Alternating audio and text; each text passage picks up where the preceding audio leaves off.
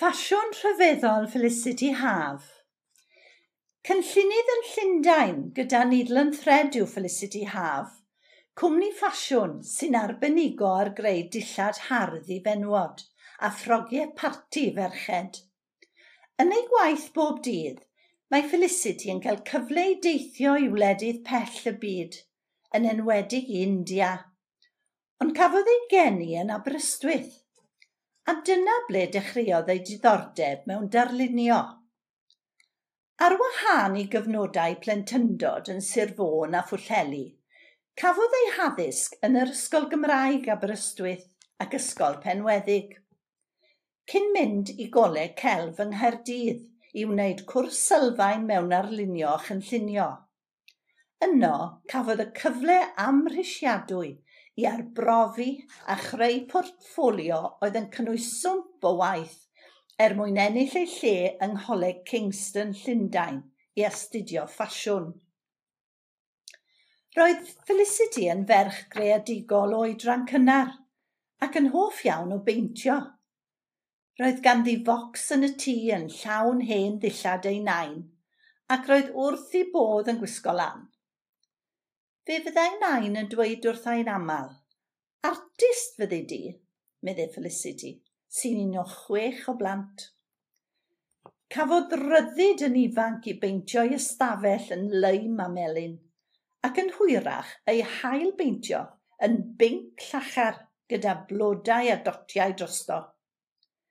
Mae'n gwerthfawrogi'r gefnogaeth a gafodd i ddatblygu ei chreadigrwydd wrth dyfu lan, Dechreuodd ei gyrfa yn cynllunio dillad i gwmni ffasiwn All Saints, ond ers dwy flynedd mae wedi ymuno â Needle and Thread, ble mae hi bellach yn uwch gynllunydd.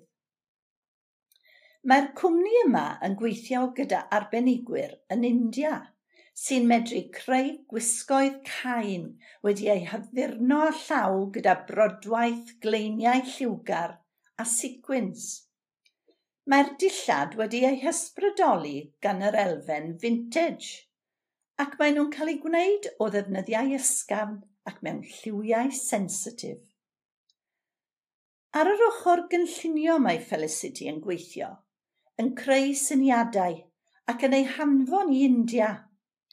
Yno, mae'r arbenigwr arlunwaith yn dewis y brodwaith a'r gleiniau lliwgar – cyn ei hanfon yn ôl ar ddarn o ddefnydd.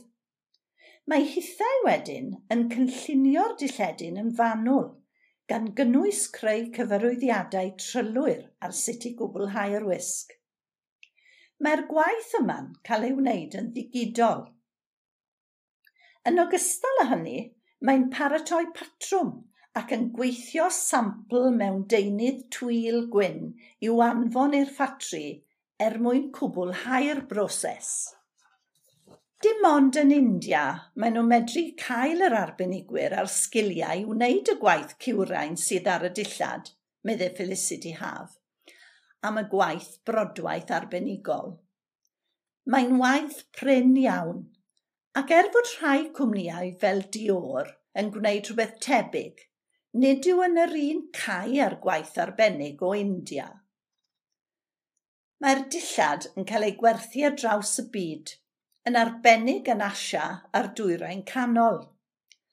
Yn Ynysoedd Prydain, mae nhw ar werth mewn siopau moethus fel Harrods, Liberty a Harvey Nichols, ond ddim yng Nghymru yn anffodus, er y gellir ei harchebu o'r we. Mae nhw'n gwneud ffrogiau i bobl enwog, ac fe welwyd Catherine Diges Caergrawnt yn gwisgo ffrog goch wedi ei haddurno'n gywrain o waith Felicity ar glawr y cilchgrawn helo yn ddiweddar. Ond mae ei magwraeth Gymreig yn golygu ei bod yn llwyddo i gadw ei thraed ar y ddeiar, er y profiadau hyn. Fel merch yn dod o ardal wledig Gymreig yn mynd i Lundain, Fe fi'n rhaid i mi weithio'n galed iawn, meddai Felicity Haf. Rwy'n ddiolchgar iawn i fy nheulu am yr ethos o waith caled gafodd ei sefydlu ddau yn blentyn ar yr eilwyd adre. Rwy'n cofio gweithio'n Caffi Morgan Aberystwyth yn fy arddegau cynnar. Er mwyn ennill arian i brynu par o jeans yr o'n i wedi ffansio yn siop Franks. Fe fies i'n talu bob mis i'r siop nes cyrraedd pris y jeans. Erbyn hyn, drwy ei hymroddiad llwyr, mae wedi medru fforddio cartre'n Llundain ac yn byw bywyd cyfforddus. Ond fe fyddai'n hoffi rhyw ddwyrnod dod nôl i Gymru a chanolbwyntio ar ddylunio llyfrau plant efallai. Mae eisoes wedi cyhoeddi llyfr i blant o'r enw Begw Haf i wasg lolfa wedi ei hadrodd a'i dylunio'n hyfryd gan y cynllunydd ffasiwn. Mae hefyd wedi cael blas o hyfforddi pobl ifanc yng Ngholeg Ceredigion ac yn credu y gallai hynny fod yn alwedigaeth arall i'r dyfodol. Ble bynnag fydd y gwynt yn ei chwythu, bydd yn siŵr o gadw cysylltiad â'i ffrindiau yn India ac ar draws y byd, a chynnal y berthynas agos sydd wedi datblygu rhyngddynt. Myrerid James sydd wedi darllen yr erthigl a hi hefyd a fi'n cyfweld Felicity ag ysgrifennu'r erthigl. Uh, rwy'n aelod o Gangen Aberystwyth, Rhambarth Ceredigion.